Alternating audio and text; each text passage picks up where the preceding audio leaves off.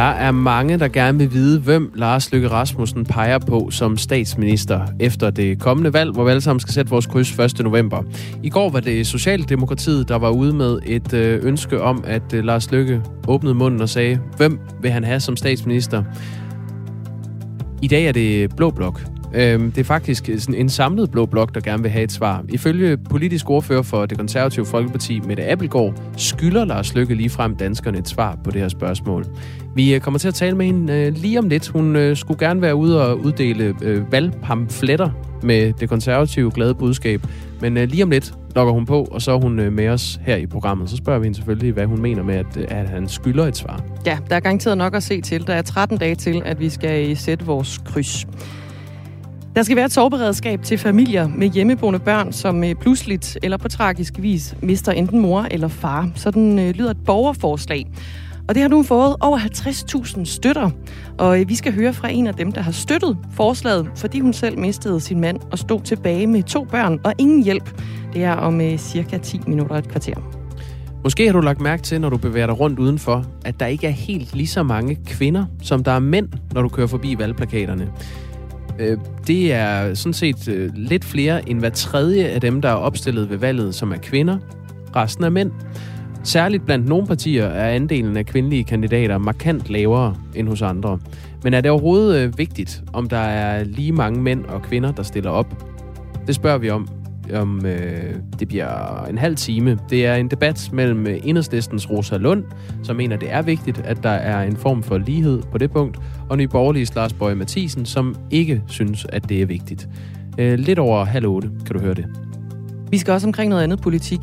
Socialdemokratiet er nemlig også åbne for at forbyde rockergruppen Satudara. Tidligere på ugen der har vi her på Radio 4 Morgen kunne fortælle, at en samlet blå blok vil forbyde banden. Hvis partierne får magten efter valget, selvfølgelig.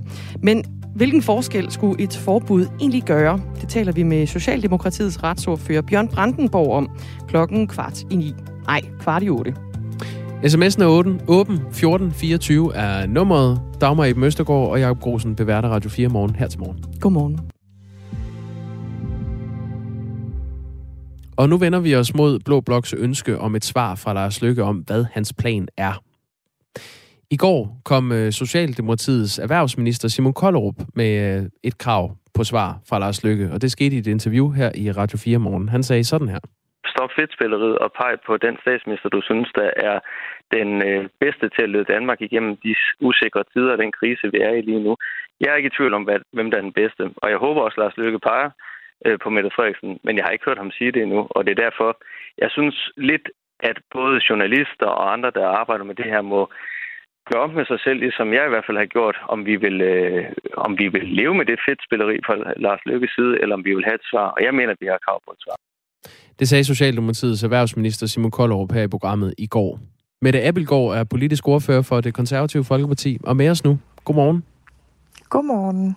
Du mener også, at Lars Lykke skal komme ud af busken. Faktisk mener du ligefrem, at han skylder danskerne et svar. Hvorfor skylder han danskerne et svar på, hvem han peger på som statsminister? Jamen for Lars Løkke Rasmussen er det meget vigtigt at sige, at det her valg handler om noget og ikke om nogen. Det er sådan et udtryk, han har brugt mange gange. Mm. Men når jeg er ude og fører valgkamp, så møder jeg også rigtig mange danskere, for hvem nogen betyder ganske meget. Jeg stod foran øh, Aldi i Hundested i går og delte ud, og der var der tre forskellige bare i løbet af den uddeling, der kom til mig og spurgte, hvad tror du egentlig, Lars Lykke han gør? Hvad tror du egentlig, han vil? Og det er jo helt skørt, at det er mig, der skal stå og øh, udlægge teksten, så at sige, for dem. Jeg har jo ikke noget svar. Jeg aner ikke, hvem han peger på som øh, statsminister i det her land. Og det synes jeg, vælgerne har krav på at få et klart svar, for det betyder noget for dem. Og derfor synes jeg, han skylder at give det svar inden en valgdag. Er det ikke Lars Lykkes problem? Jo, men jeg synes egentlig også godt, det kan blive et demokratisk problem, for jeg tror lige nu er der rigtig mange danskere, som læser meget forskelligt ind i moderaterne, og hvad en stemme på dem vil være. Øh, og derfor er der mange vælgere, der risikerer at stå skuffet tilbage, fordi de får noget, noget andet end det, de har stemt på. Men jeg synes da også som borgerligt parti, at det er problematisk, hvis der er borgerlige øh, vælgere, der stemmer på Lars Lykke, fordi de har en forventning og en tro på, at han vil pege på en borgerlig statsminister, men måske ender med at gøre det modsatte. Øh, det synes jeg, der er et Øh, et problem.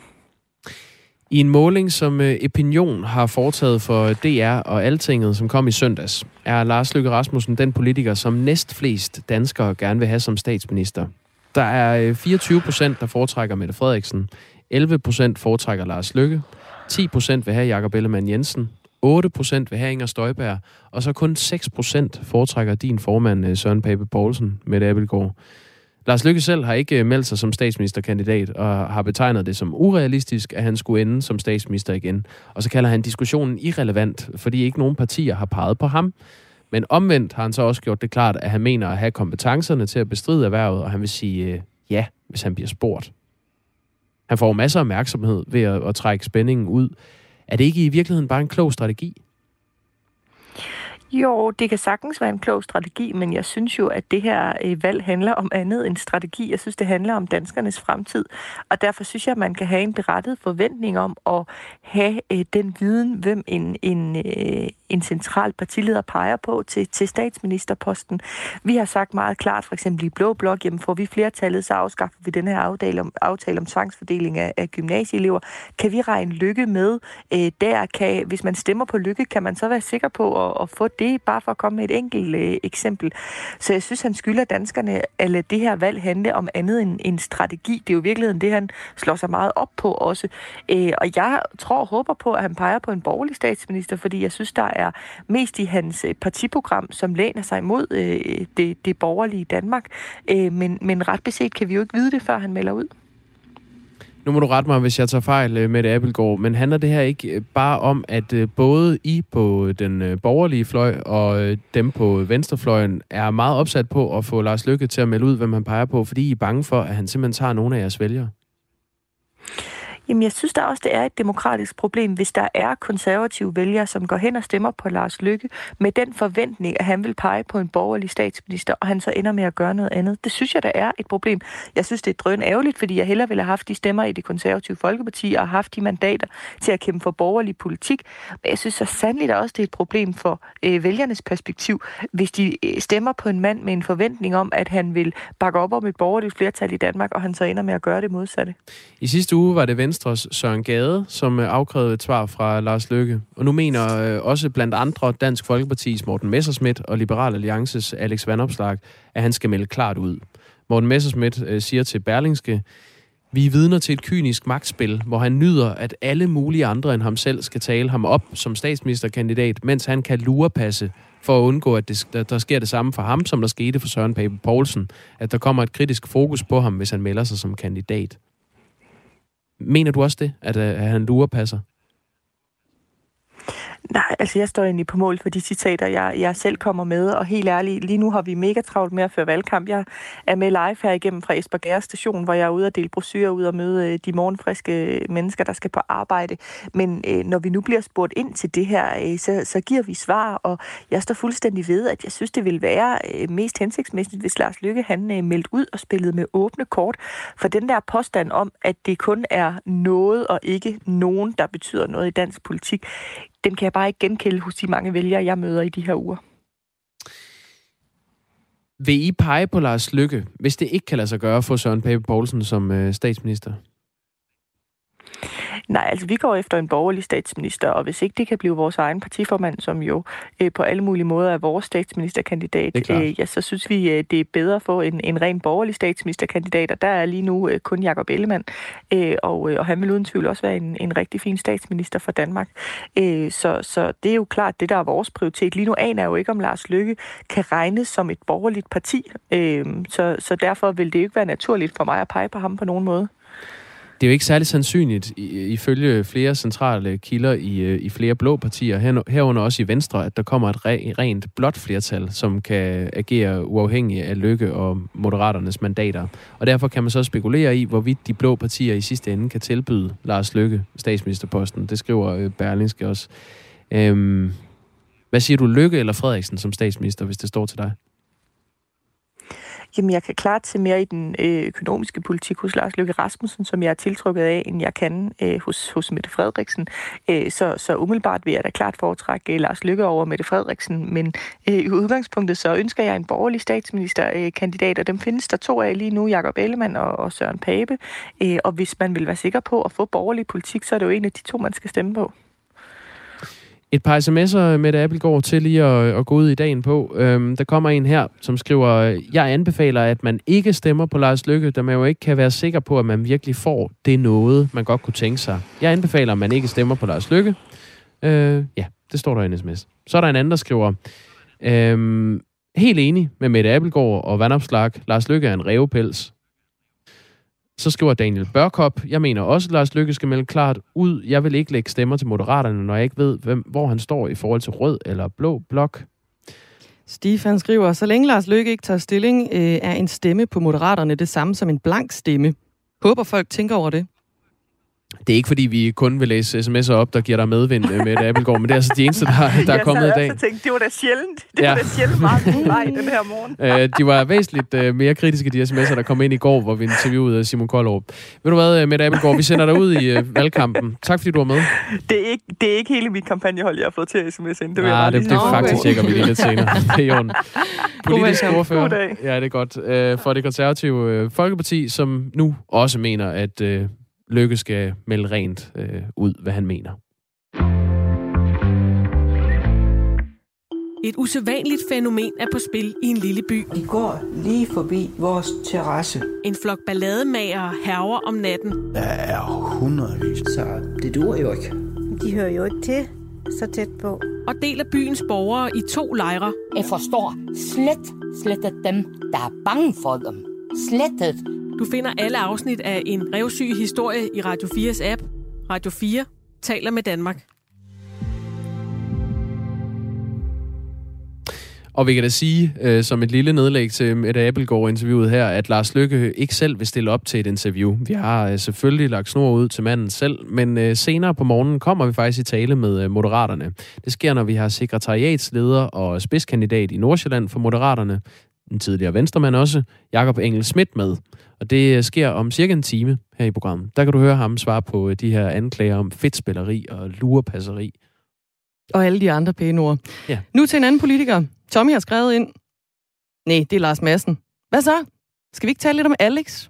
Nu da han har haft fingrene i kagedåsen angående sin lejlighed i København. Manden, der har svar på alt.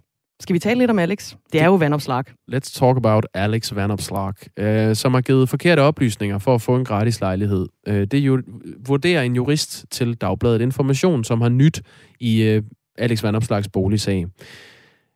Partilederen for Liberal Alliance har ikke øh, bare brudt Folketingets regler for dobbelt husførelse. Han øh, erkender nu over for information, at han også har brudt CPR-loven ved ikke at have opholdt sig tilstrækkeligt, på sin, øh, tilstrækkeligt meget på sin gamle adresse i Struer. Skal vi lige tage et citat? Ja. Ja. Jeg har altså ikke opholdt mig tilstrækkeligt til at leve op til kriterierne i CPR-loven, siger han til information. Det er eksperternes vurdering, og det er også min egen vurdering efter at have læst op på tingene. Havde jeg vidst, hvordan tingene forholdt sig dengang, ja, så havde jeg selv sagt ageret anderledes. Som minimum fundet en bolig i det jyske uden bopælspligt. Og dermed så heller ikke fået en folketingsbolig i København, siger Van Opslag til Information. Han øh, blev for otte dage siden pålagt at betale øh, 30.000 kroner tilbage til Folketinget for brud på de her boligregler. Han har indtil for nylig haft øh, officiel adresse i en øh, lejlighed i Struer siden juni 2020. Og på grund af adressen i Jylland havde han altså også fået gratis adgang til en lejlighed i København, som Folketinget sørgede for.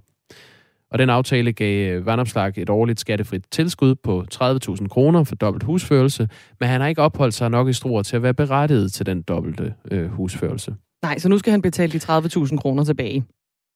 Informationsafdækning af sagen viser også nu, at Vandopslag formentlig også har givet forkerte oplysninger til Folketinget for at få stillet den her gratis folketingslejlighed til rådighed i første omgang. Det vurderer juridiske eksperter over for øh, avisen Information. Det er jo blandt andre øh, Bente Hagelund, som er jurist med ekspertise i offentlig ret, og så er hun også rektor ved øh, Folkeuniversitetet. Hun siger til Information, det nye i det her er, at han ikke bare har brudt reglerne, efter han fik den gratis folketingslejlighed. Det ser ud til, at han også har givet forkerte oplysninger for at få den, altså folketingslejligheden. Oplysninger, som øh, information er kommet i besiddelse af, viser, at Alex Vanopslag stadig havde sin gamle bolig i København, da han overtog den gratis medlemsbolig. Det vil sige, at han altså på et tidspunkt haft to boliger. En han selv har skaffet sig, og så den gratis medlemsbolig fra Folketinget. Øh, og at indflytningen i den her gratis lejlighed, den skete så på et tidligere tidspunkt faktisk, inden hvad Alex Van Opslag hidtil har givet indtryk af. Ja, og så skulle han så have solgt sin lejlighed, øh, som han havde øh, købt i København, da han fik den gratis, og så har han købt den anden i Struer. Så fik han dobbelt husførelse, men han har så ikke været nok i Struer. Så der er på magisk vis tre lejligheder involveret i en sag om en person.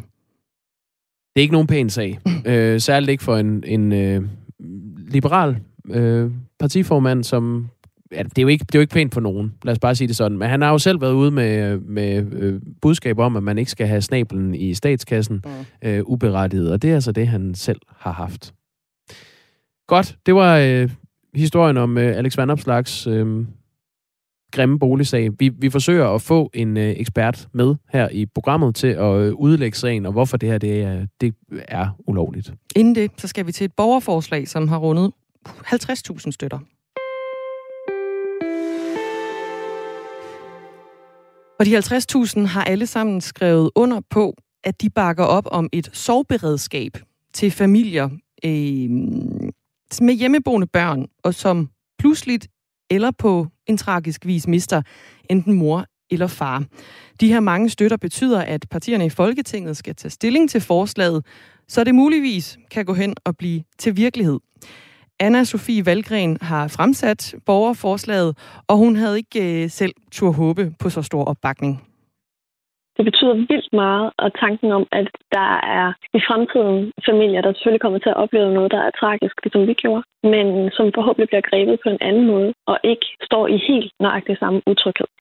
Helt konkret så ønsker hun et sorgberedskab, som griber familier, som er i akut sorg efter at have mistet. Jeg håber, at når politikerne skal behandle det, at de så kigger på det med en faglighed og piller det lidt fra hinanden, og måske ser, om det kunne give mening, at det omfatter andre typer øh, dødsfald, eksempelvis også i hjem med hjemmeboende børn. Det kunne være søskende eller længerevarende sygdom. Nu skal vi tale med en af dem, som har støttet forslaget. Det er dig, Susanne Torup Ottesen. Godmorgen. Godmorgen. Du har sat din underskrift, fordi du selv pludselig mistede din mand tilbage i 1998, og du fik ikke nogen hjælp. Øhm, vil du lige prøve at, at rise din historie op for lytterne? Ja, det kan jeg godt. Øh, jeg vågner, øh, altså vi er gået sent i seng, og der har ikke været noget, noget galt overhovedet. Så vågner jeg faktisk klokken halv fire om natten. Vi finder ud af, at min mand er død. Og der ligger vores øh, femårige datter imellem os, og min øh, fire måneder gamle søn ligger i, øh, i vuggen ved siden af sengen. Og så, øh, jamen så bliver der jo panik, og jeg får ringet 112, og der bor vi lige over for Falkstationen, så de er der jo lynhurtigt. Der er bare ikke noget at gøre. Jeg vågner simpelthen ved, at jeg tror, at han snokker helt vildt højt, men har efterfølgende fået at vide, at det var, der var han død, og der var, det var luften, der forlod hans krop på det tidspunkt. Mm. Så, øh, så kommer Falk og henter ham og, øh, og kører med ham. Og øh, jeg får bare at vide, at jeg skal, øh, jeg skal ringe efter nogen, der kan være ved mig. Og, øh, og så står vi der alene. Jeg står med mine to små børn og, og venter på, at der skal komme noget familie. Ja, hvad, hvad var det, du måske kunne have brugt? Altså, hvad var det for en, en hjælp, du havde savnet dengang i den situation, du stod i? Altså, nu er det her midt om natten, så det var jo selvfølgelig et lidt, lidt sådan tidspunkt, hvor det var lidt svært at få en masse hjælp, tænker jeg. Men, øh, men bare det at vide, hvor han egentlig blev kørt hen, og, og, og da vi så fandt ud af, hvor han var, og kom op på hospitalet, var der faktisk ikke nogen, der var klar til at tage imod os. Så vi skulle selv til at forklare, hvem vi var, og, øh, Ja, man er jo fuldstændig i chok på det tidspunkt. Men efterfølgende kunne jeg godt have brugt, at der var blevet spændt et form for sikkerhedsnet ud over os. Ja, og, og det er jo derfor, du også har skrevet under på det her borgerforslag. Ja. Fordi da du opdager det, så skriver du under og vælger at støtte mm-hmm. det med det samme. Hvorfor gør du det? Mm-hmm. Men det gør jeg, fordi at jeg har en datter, der var fem år dengang, hun mistede sin far, og som har været syg det meste af sit liv efterfølgende. Og og der er påvist, at det er det traume, hun fik på det tidspunkt, der har gjort, at hun har fået en, en, øh, en meget anderledes barndom og ungdom, end hun sikkert ville have fået, hvis ikke det var sket. Mm. Og der, der, gik, der gik noget tid, inden jeg fandt ud af, at der var noget galt, og det startede med ondt i maven og ondt i hovedet. Og så brugte vi det meste af to år på at ryge ind og ud af børneafdelingen.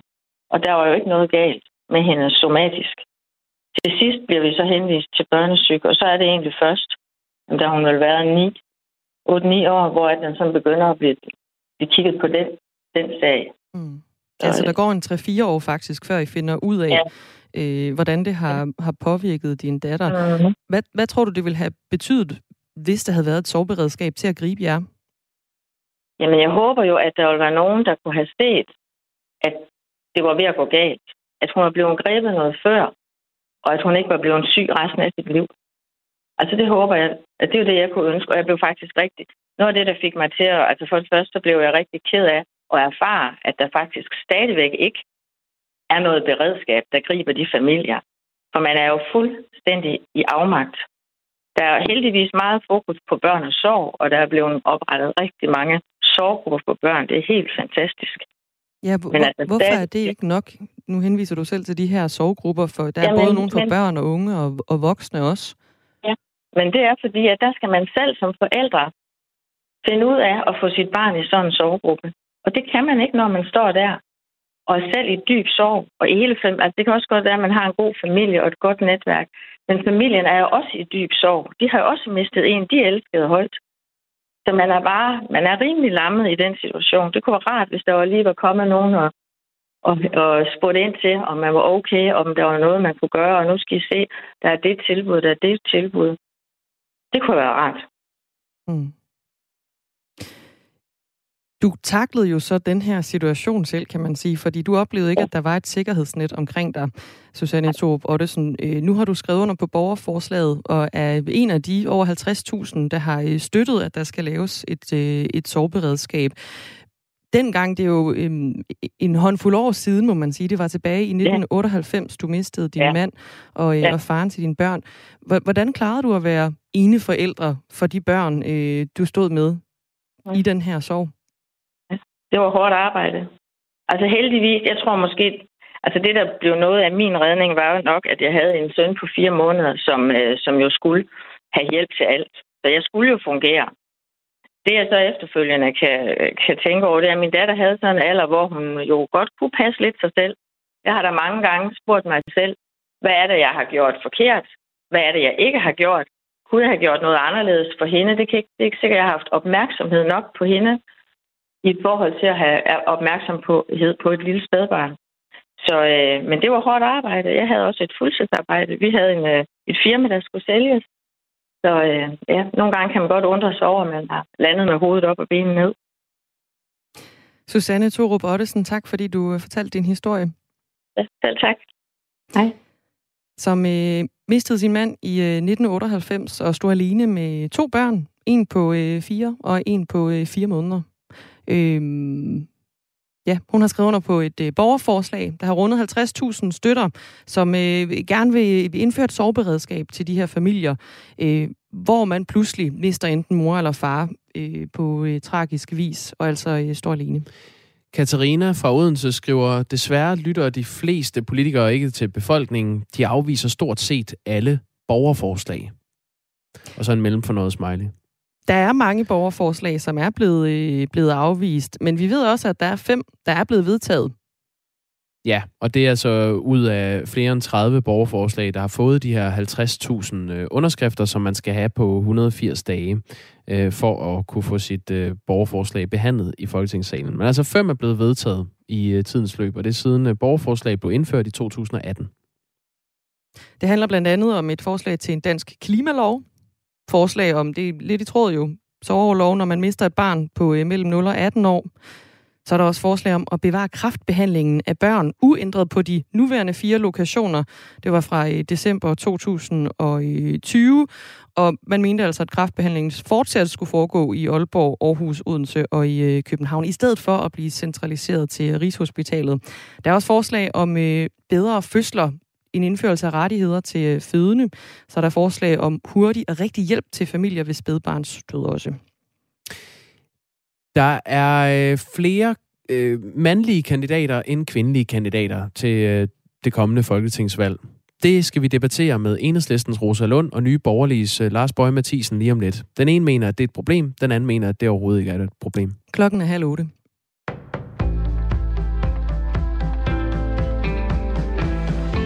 Moderaterne med den tidligere statsminister Lars Løkke Rasmussen i front er steget eksplosivt i meningsmålingerne, siden valget blev udskrevet for 14 dage siden. I den nyeste måling fra Voxmeter, der er foretaget for Ritzau, så står partiet til at få 9,2 procent af stemmerne, hvis der var valg i morgen. Det giver partiet 17 mandater. For bare en måned siden, der lå partiet under spærregrænsen med 1,8 procent af stemmerne. Og den nye måling gør altså Moderaterne til den, det tredje største parti, kun overgået af Socialdemokratiet og Venstre. Målingen er til gengæld mindre god læsning for Dansk Folkeparti. Ifølge målingen så ryger partiet under spærregrænsen med 1,8 procent af stemmerne. Det er for dårligt, at Forsvarsministeriet sidder på en evaluering af det danske forsvar til eftervalget. Det siger flere forsvarsordfører fra Blå Blok, som Radio 4 har talt med. Det sker efter forsvarsnetmediet Olfi har beskrevet, at NATO er kommet med en ny evaluering af, hvordan det står til i det danske forsvar. Den ligger klar i Forsvarsministeriet lige nu, men Forsvarsministeriet vil altså ikke offentliggøre evalueringen, før valget er over. Venstres forsvarsordfører Lars Christian Lillehold ser dog ingen grund til, at ministeriet holder på rapporten til eftervalget. Jeg synes, det er oplagt, at øh, de informationer, der indgår i rapporten, også kan indgå i valgkampen. Vi står foran at skal i gang med at øh, forhandle et stort nyt øh, forsvarsforlig i løbet af ganske få, få måneder, uanset hvilken regering, der kommer til efter folketingsvalget. Og der er helt givet informationer i den her rapport, som vil pege på nogle af de kapaciteter, nogle af de områder, som det er nødvendigt, at vi, vi investerer i. Og så er det jo helt oplagt, at selvfølgelig skal de informationer frem. Hvorfor skal vi vente til efter folketingsvalget? Radio 4 har forsøgt at få en kommentar fra forsvarsminister Morten Bødskov, men forsvarsministeriet er ikke vendt tilbage på vores henvendelse. Flere vælger at bo i et bofællesskab. Det viser en ny kortlægning fra Institut for Byggeri, By og Miljø ved Aalborg Universitet. Ved udgangen af sidste år, der var der flere end 400 bofællesskaber i Danmark med ca. 10.000 boliger. Og det er især seniorbofællesskaber, der vinder frem. Det siger projektchef Stig Hesselund fra Realdania, som har støttet kortlægningen. Der er mange, der, der bliver drevet af sådan noget som, som, at, som at bo mere bæredygtigt, øh, dele mere. Og så, så handler det meget om at have nogen og, og, og opsøge det her lidt uforpligtende hverdagsfællesskab øh, sammen med. Og, og det, er jo, det er jo det, som vi i, i Realdania kan se, at, øh, at det i hvert fald for seniorerne kan være med til at højne livskvaliteten og forebygge ensomhed. Af de 400 bofællesskaber, der var i Danmark ved udgangen af sidste år, så er de 235 bofællesskaber for seniorer. Over 100 haitianske migranter er blevet efterladt på den ubeboede karibiske ø Mona Isla. Det oplyser den amerikanske grænsevagt. Migranterne blev fundet på øen af skovfoder, som arbejder for Puerto Ricos Miljøstyrelse. En talsmand for USA's grænsevagt oplyser, at det ser ud som om, at alle migranterne er blevet transporteret på et enkelt fartøj. Menneskesmuglere bruger ofte Mona Isla til at sætte migranter med kurs mod Puerto Rico af. Puerto Rico er en amerikansk, er amerikansk oversøisk territorium, og derfor så kan man søge asyl i USA der. Øen den er dog ubeboet, og der er knap 70 km sejlads til Puerto Ricos hovedø derfra. Først på dagen kommer der lokal dis eller tåge, men i løbet af morgentimerne bliver det solrigt de fleste steder. Temperatur op mellem 9 og 13 grader. Det var nyhederne her på Radio 4 med Anne Svifeldt.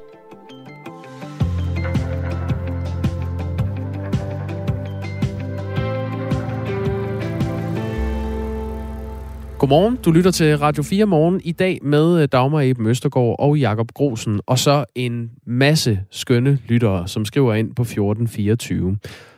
Og der er flere, der øh, skriver ind, at øh, nu hvor vi taler om øh, Alex Vandopslags øh, boligsag, så burde vi også tale om Røde Lea Wermelins boligsag.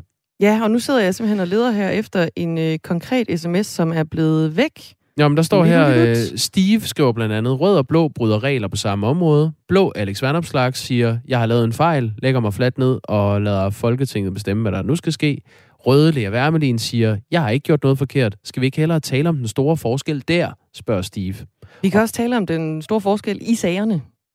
Der er en forskel. Ja. Øhm, det, det er jo rigtigt. BT øh, kom den 12. oktober med historien om, at Miljøminister fra Socialdemokratiet, Lea Wermelin, er blevet afsløret i boligsnyd. Det handler om, at hun øh, i den seneste valgperiode, ifølge to eksperter BT har talt med, har brudt loven ved at have folkeregisteradresse på Bornholm, selvom hun bor det meste af året i København med mand og børn. Hun, øh, hun flyttede i 2015 sin folkeregisteradresse til Sandvig på Bornholm, for blandt andet at kunne høste stemmer på øen, der er kendt som en øh, socialdemokratisk højborg. Og i 2019 gik 34 procent af stemmerne til Socialdemokratiet. Men i stedet for at bo på Bornholm permanent, har Lea Wermelin brugt huset i Sandvig som en, øh, en form for sommerresidens øh, til øh, weekender, ferier og under coronanedlukningen, mens familien altså også har et liv i København, øh, hvor børnene øh, har en, en hverdag og går i skole mm. eller børnehave, eller hvad det nu er. Og så har de en lejlighed eller et hus, de selv har købt. Og det er forskellen på Lea Wermelins sag og Vandopslags sag. Summa summarum er, at hun har ikke brudt reglerne for dobbelt husførelse. Nej, for hun har ikke det... fået det tilskud. Nej. Alex Vanderslag, han har jo fået 30.000 kroner for dobbelt husførelse, øh, og dem er han blevet pålagt at betale tilbage. Det er øh, ikke en del af øh, den historie, der er om øh, Lea Wermelin. Men det seneste er jo så, der hvor der er nogen tråd imellem de to sager her, det er, at Alex Vanderslag han nu også erkender at have brudt øh, CPR-loven ved ikke at have opholdt sig nok på sin gamle adresse i Struer. Ja, altså man skal være øh, mindst øh, 180 dage om året øh, på det sted, hvor man har sin folkeregisteradresse. Det har hverken Alex Vandopslag været, altså øh, i Struer, i sin lille lejlighed, som man selv har omtalt som kummerlig. Og øh, Leo Ermelin har heller ikke været i nærheden af de 180 dage om året på Bornholm. Så de er begge to skyldige i at have brudt CPR-loven. Der drysser boligsager ud lige nu fra Christiansborg. Godt. Var det ikke en opdatering på den? Det tror jeg, det var. Vi hopper videre. Måske har du lagt mærke til, at der ikke er lige så mange kvinder, som der er mænd, når du kører forbi valgplakaterne, eller går forbi dem i øjeblikket ude i bybilledet. Blot lidt flere end hver tredje af de opstillede kandidater til folketingsvalget er nemlig kvinder. Det viser en øh, optælling, som Institut for Menneskerettigheder har lavet. Blandt partierne med den laveste andel af kvindelige kandidater finder man øh, blandt andre nye borgerlige. Her er 25 procent af de opstillede kandidater kvinder, ifølge en optælling, som øh, fagbladet 3F har lavet. Altså hver fjerde er, øh, er kvinde af de kandidater, nye borgerlige har. Omvendt har enhedslisten den højeste andel af opstillede kvinder. Det er lidt over halvdelen. 52 procent af de opstillede kandidater er kvinder i enhedslisten. Er det overhovedet vigtigt, det her? Altså om partier har nogenlunde lige mange øh, mænd og kvinder opstillet ved valget? Det skal vi debattere nu. Blandt andet med dig, Rosa Lund. Godmorgen. Godmorgen. Øh, demokrati- og retsordfører for enhedslisten, blandt andet. Ja. Og øh, Lars Bøge Mathisen. Godmorgen. Godmorgen. Ligestillingsordfører for øh, Nye Borgerlige. Lad os lægge ud med dig, øh, Lars Bøge Mathisen. Du mener ikke, det er vigtigt, om der er lige mange mænd og kvinder, øh, som er opstillet. Hvorfor ikke? Nej, måske skulle jeg lige knytte en kommentar til jeres øh, tidligere sag, som jeg har. Måske skal I lige undersøge, fordi at øh, man kan også godt få et tilskud til at have sin egen bolig. Det er ikke kun til dobbelt husførsel. Man kan også få et tilskud til, den hus, til det hus, man har købt. For hvis Liam Værmin har fået det tilskud, hun ikke bliver rettet til det, så skulle hun jo også betale det tilbage. Så det skal I måske lige undersøge. Den det er interessant, og ved du, nu, nu du er i gang med den sag, der er også noget med, at hun har kunne få betalt sin, uh, sin transport til Bornholm. Så der kan også godt være nogle penge involveret. Men ja, det er altså det ikke dobbelt det, der, det, det, kan man også få tilskud. Det, det er ikke kun, hvis man bor i de lejligheder. Det er også, hvis man, hvis man køber sin, sin, sin egen, så kan man få et tilskud til det, til det husleje, der, der er. Okay, lad os uh, lige så. vende snuden. Det, det kan vi undersøge. Så. Tak for lige dykker ned i fakta der. Du mener ikke, det er vigtigt, at der er lige mange mænd og kvinder opstillet til det her folketingsvalg? Det vil jeg gerne spørge dig om. Hvorfor mener du ikke det? Ja, Nej, øh, altså det korte svar er, at nej, det synes jeg ikke har nogen betydning. Og det lange svar, det er, at hvis man fravalgte kvinder eller mænd på grund af deres køn, så synes jeg, det var et problem. Rosa Lund, du mener omvendt, det er vigtigt, at der er en ligelig kønsfordeling blandt de opstillede kandidater. Hvorfor? Ja, men det mener jeg, fordi repræsentation betyder noget. Det betyder der noget, øh, om, man, øh, om man kan se, at man selv, om der er nogen, der minder om en selv, der er repræsenteret. Det er jo blandt andet derfor, at vi i enhedslisten har øh, at vi har en, køns, en kønsfordeling, når vi opstiller vores kandidater. Det er jo netop for at sikre, at, øh, at der ikke er nogen der på den måde hverken mænd eller kvinder bliver overhalet, men at der er en lille kønsfordeling. Det får også at se, fordi at repræsentation betyder noget. Men, men betyder det mere, at, at halvdelen er mænd og halvdelen er kvinder, end at øh, lidt over en tredjedel er kvinder og resten er mænd? Altså, hvilken betydning har det? Jamen, det har jo den betydning, at, øh, at kvinder godt kan blive overhalet i det her, fordi at mænd, også i partier, ligesom i øh, på arbejdsmarkedet, mænd jo vælger at ansætte mænd og vælger at opstille mænd. Og det er jo nogle af de mønstre, vi gerne vil bryde, sådan så der også er plads til kvinderne i dansk politik. Det synes vi ja, i enhedslisten er vigtigt, og derfor så har vi et system, som sikrer, at vi opstiller lige mange mænd og kvinder. Lars Bøge Mathisen, når en ud af fire af jeres kandidater er kvinder, hvad tænker du så, det skyldes?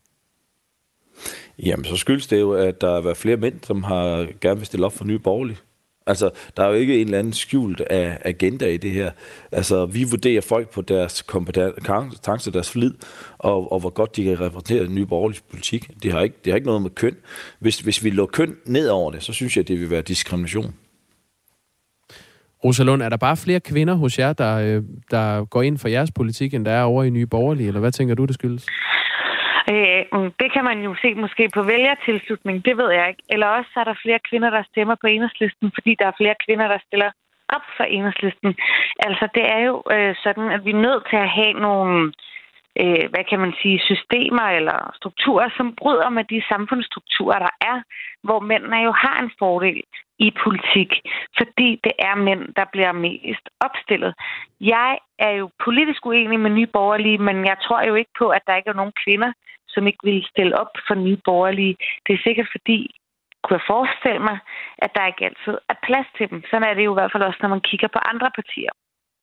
Der er ikke plads til kvinder over, ja? tilfælde, Nej, det er slet ikke det, der er tilfælde. Altså prøv øh, man kan sige, at vi er faktisk det eneste parti, der er 50-50 i Folketingssalen lige nu, ikke? med mænd og kvinder.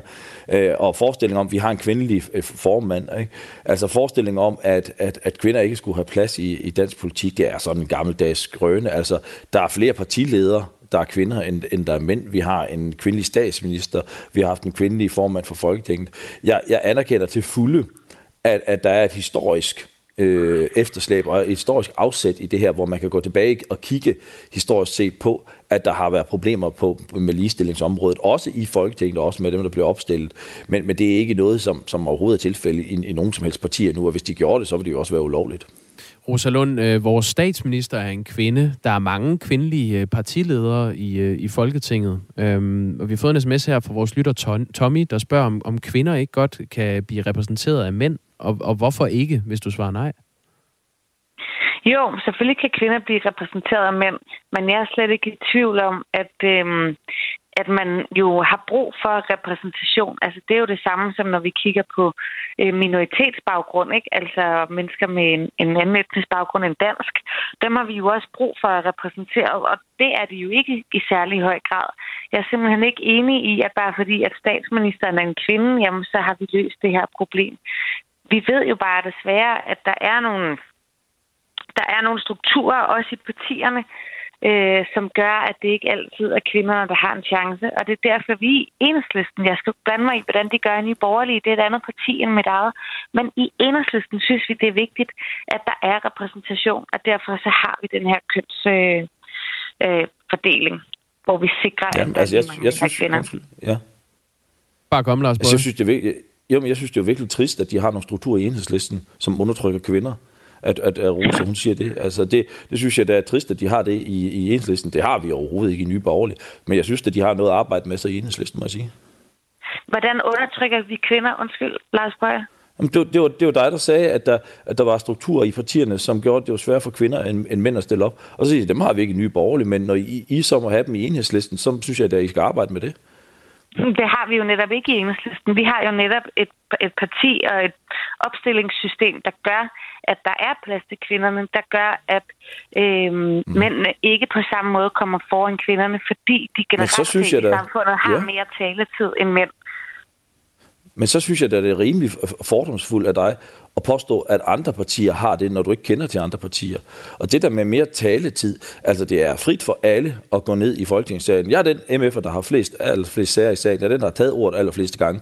Men det er da ikke, fordi jeg er mand, det er, fordi jeg har ni ordførerskaber, og jeg passer mit arbejde i Folketingssalen. Det står frit for alle kvinder også at gå ned og tage ordet lige så mange gange i Folketingssalen. Så lad nu være med at opstille de her, de her falske problemstillere, som ikke eksisterer mere her i 2022. Jeg synes, det er trist, og jeg synes faktisk, det er diskriminerende. Jeg synes bestemt ikke, at det er diskriminerende. Jeg er jo selv en som en kvinde af dem, der har rigtig mange sager nede i Folketingssalen. Jeg er også en af dem, der ligger højt på, hvem der, øh, hvem der snakker mest dernede. Så for mig er det slet ikke det, det handler om. For mig så handler det om, at i vores samfund generelt, der er der øh, flest mænd i toppen, der har mændene altid en større chance end kvinder. Det er derfor, men, vi i enhedslisten ja. synes, at jeg afbryder simpelthen ikke dig, Lars. Altså meget apropos. Øhm, der har, hvad hedder det, jamen bliver hyldet ud af den, der bliver afbrudt. Sorry. Okay, ved I hvad, nu tager jeg, jeg tager lige ordet. Jeg synes, det er skønt, I debatterer med hinanden, det vil vi gerne, men jeg, jeg kommer lige med lidt fakta om det her. 38 procent af de opstillede kandidater til folketingsvalget er kvinder, ifølge Institut for Menneskerettigheder. Og det er faktisk 4 procent flere end ved valget i 2019. Fagbladet 3F har lavet et øh, overblik over, hvordan kønsfordelingen er blandt de opstillede kandidater for de forskellige partier. Jeg nævner et par eksempler. Udover enhedslisten, så er Alternativet det eneste andet parti, der har en lidt større andel øh, kvinder end mænd blandt deres kandidater. Det er 51 procent af dem, der stiller op for Alternativet, øh, som er kvinder. 34 procent af dem, der stiller op for Socialdemokratiet, er af hundkøn. 30 procent af Moderaternes kandidater er kvinder. Og Liberal Alliance er det parti, der har den laveste andel af opstillede øh, kvinder. Det er 24 procent. De er så marginalt, øh, øh der er marginalt mindre andel af kvindelige kandidater i Liberal Alliance, end I har i Nye Borgerlige, øh, Lars Bøge Mathisen. Ifølge tal fra Danmarks Statistik, så er der stort set lige mange mænd og kvinder i det her land. Hvorfor tror du ikke, I kan finde flere kvinder til at stille op hos Nye Borgerlige? Mm, altså det er, fordi vi ikke leder efter det. Altså, vi går ikke ud og kigger på kønnet til at, at, at vælge ud fra det. Øh, så, så det, er, det er ikke et parameter for os. Øh, hvis det var det, så kunne vi jo sagtens finde 50-50, hvis vi valgte at putte det ned som et parameter. Men, men hele forestillingen om, at, at, at, at den her, der er kun mænd, der ligger i toppen af samfundet, øh, det er også en, en historisk røn. I dag er der flere kvinder, der bliver uddannet på, på universiteter, der er flere, der uddanner sig til lærer, der er også flere mænd på samfundets bund. Så hvis vi endelig vil kigge på det, så er det noget mere nuanceret billede, end, end hvad man sådan historisk kan, kan sige, der har været. Øh, så det synes jeg, man skal, man, man skal også inddrage det. Jeg vil så godt medgive, at jeg tror selvfølgelig, der også er forskel på. Vi kan jo se også på vælgerne, at der er flere kvindelige vælgere, der vælger de, de, øh, de, øh, de venstreorienterede partier end øh, de borgerlige partier. Det tror jeg, det har noget at gøre med også, hvad det er, man lægger fokus på.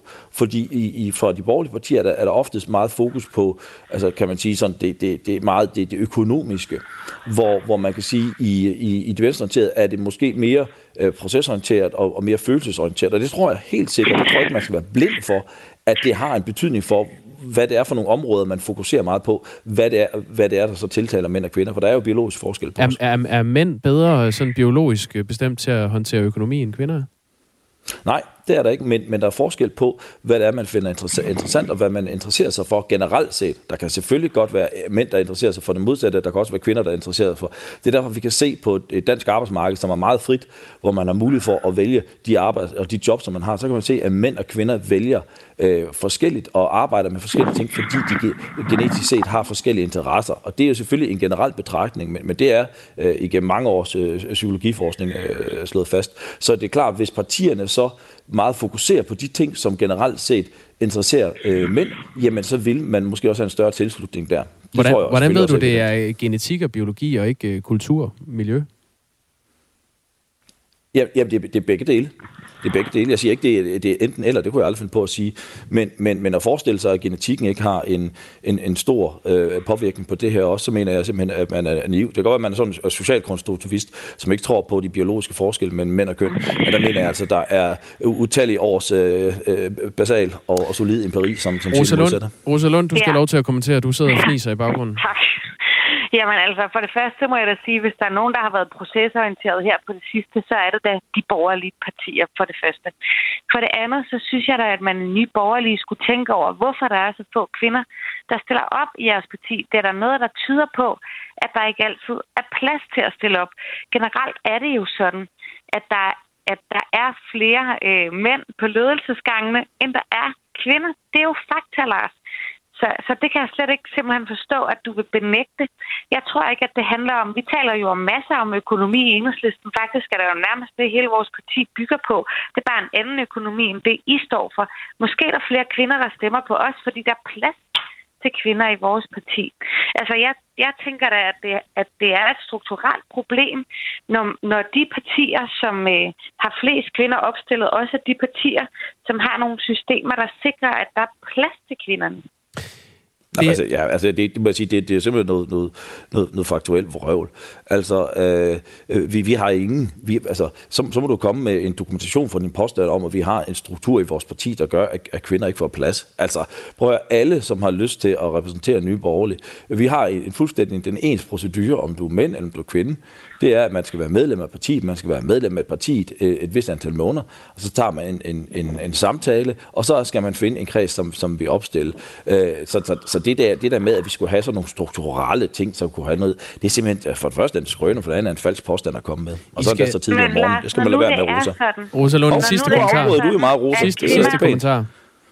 Når nu det er sådan, at kvinder generelt har svært ved at deltage i politik, fordi vi udsættes for flere trusler, fordi det typisk er kvinderne, der skal blive hjemme og passe børnene, i stedet for at gå til politiske møder, så er man jo nødt til, det synes vi i hvert fald i enhedslisten, at lave nogle strukturer i partiet, der gør, at der er plads både til kvinder, men sådan set også til folk med anden etnisk baggrund. Øh, og det har I så valgt ikke at have i Nye Borgerlige, og det er så det, der meget tydeligt afspejler sig ja, i det synes jeg, ja. vi, er, vi, så jeg vi synes er sådan nødt... set ikke, at jeg har behov for at komme med nogen undersøgelse, når Institut for Menneskerettigheder meget tydeligt har lavet en undersøgelse, der viser, øh, hvor at kvinderne er opstillet. Og sådan lød det altså fra sige, Lars Bøge Mathisen. Vi, øh, vi når at, simpelthen ikke mere. Vi, jeg tror, vi kunne, vi kunne simpelthen uh, allokere en time til den her debat, og det har været en fornøjelse at have jer begge to med. Rosa Lund, som blandt andet er demokrati- og retsordfører for Enhedslisten, og Lars Bøge Mathisen, der er ligestillingsordfører for Nye Borgerlige. Og jeg tror også, øh, jer, der lytter med derude, synes, det her det har været ret så interessant. I hvert fald så er der altså væltet ind med sms'er. Vi kan lige tage kort et par stykker af dem, tænker jeg, inden vi, øh, inden vi hopper videre. Lad os bare gøre det. Øh, en skriver her, det er Allan. Wow, er så enig med Lars Bøje. Hvornår forstår rødstrømperne, at kvindekampen er slut? Nogle job tiltrækker bare et bestemt køn. I har vundet. Øh, Nana skriver, lige præcis, Lars Bøge Mathisen leder ikke efter kvinder i deres politiske arbejde. Lol, han kan ikke se det selv, og nu kører han med genetik. Fandme utroligt. Kirsten fra Thy skriver, det der lyder fuldstændig åndssvagt. Bare kast et blik på formændene for partiernes.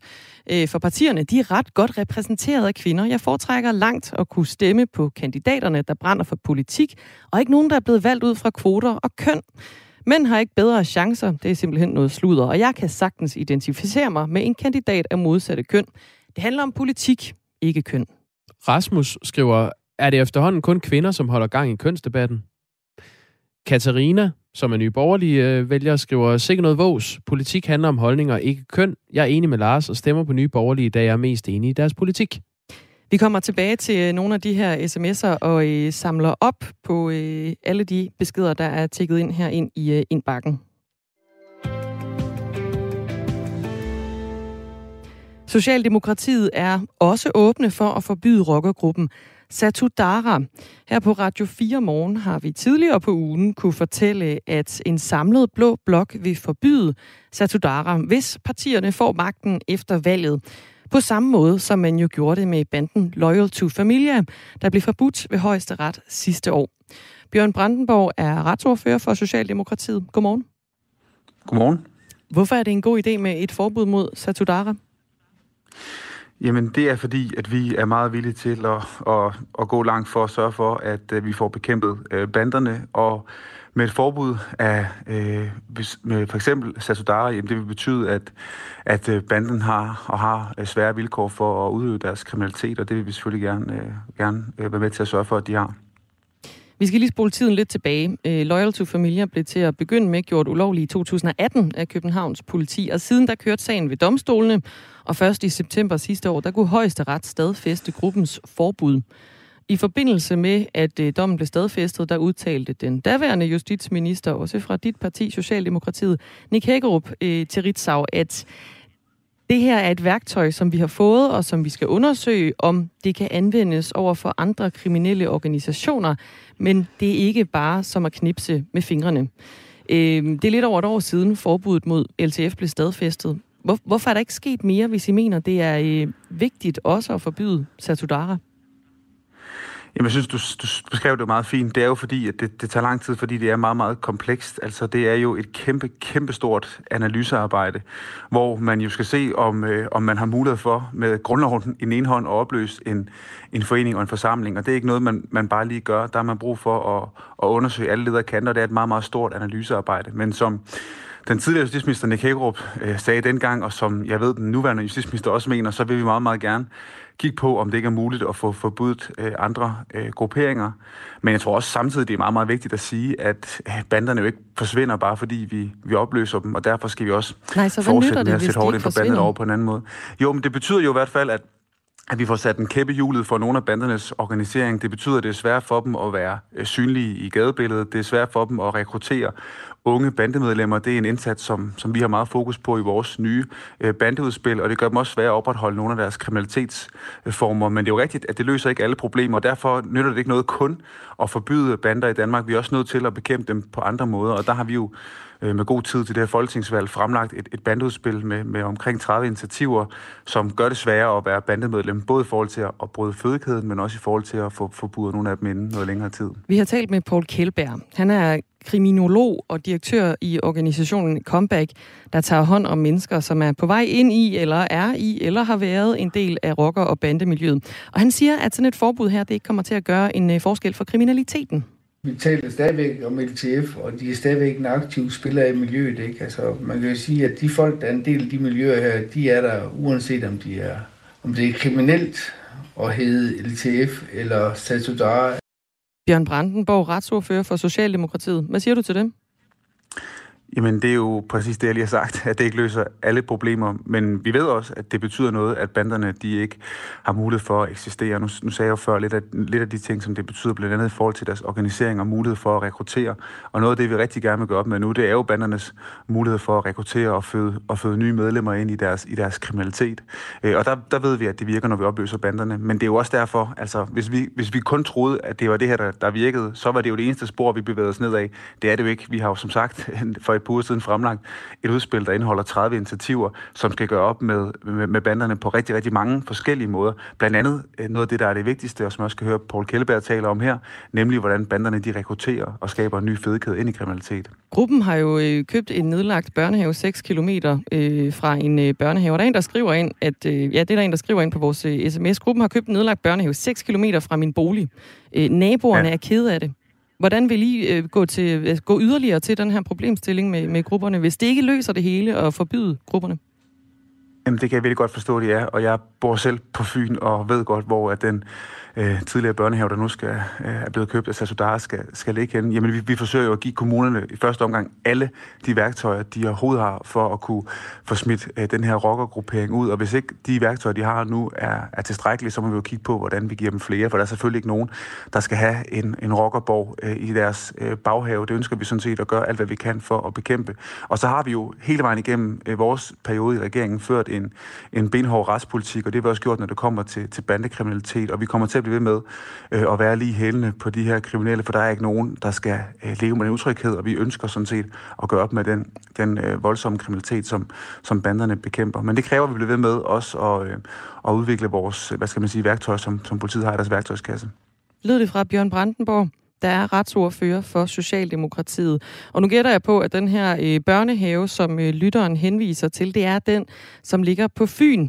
Øh, det her ønske om et forbud fra de blå partier, som nu også bliver sådan bakket op af Socialdemokratiet, det kommer efter Satudara er flyttet ind i en øh, tom børnehave på Fyn. Øh, og de har lavet den om til en rockerborg, efter Odense Kommune, de solgte den her matrikel for øh, to år siden. Øh, ja, det er øh, formentlig den børnehave, gætter jeg på. Med mindre der er andre, ellers så øh, må du også godt lige skrive ind, hvor det er henne.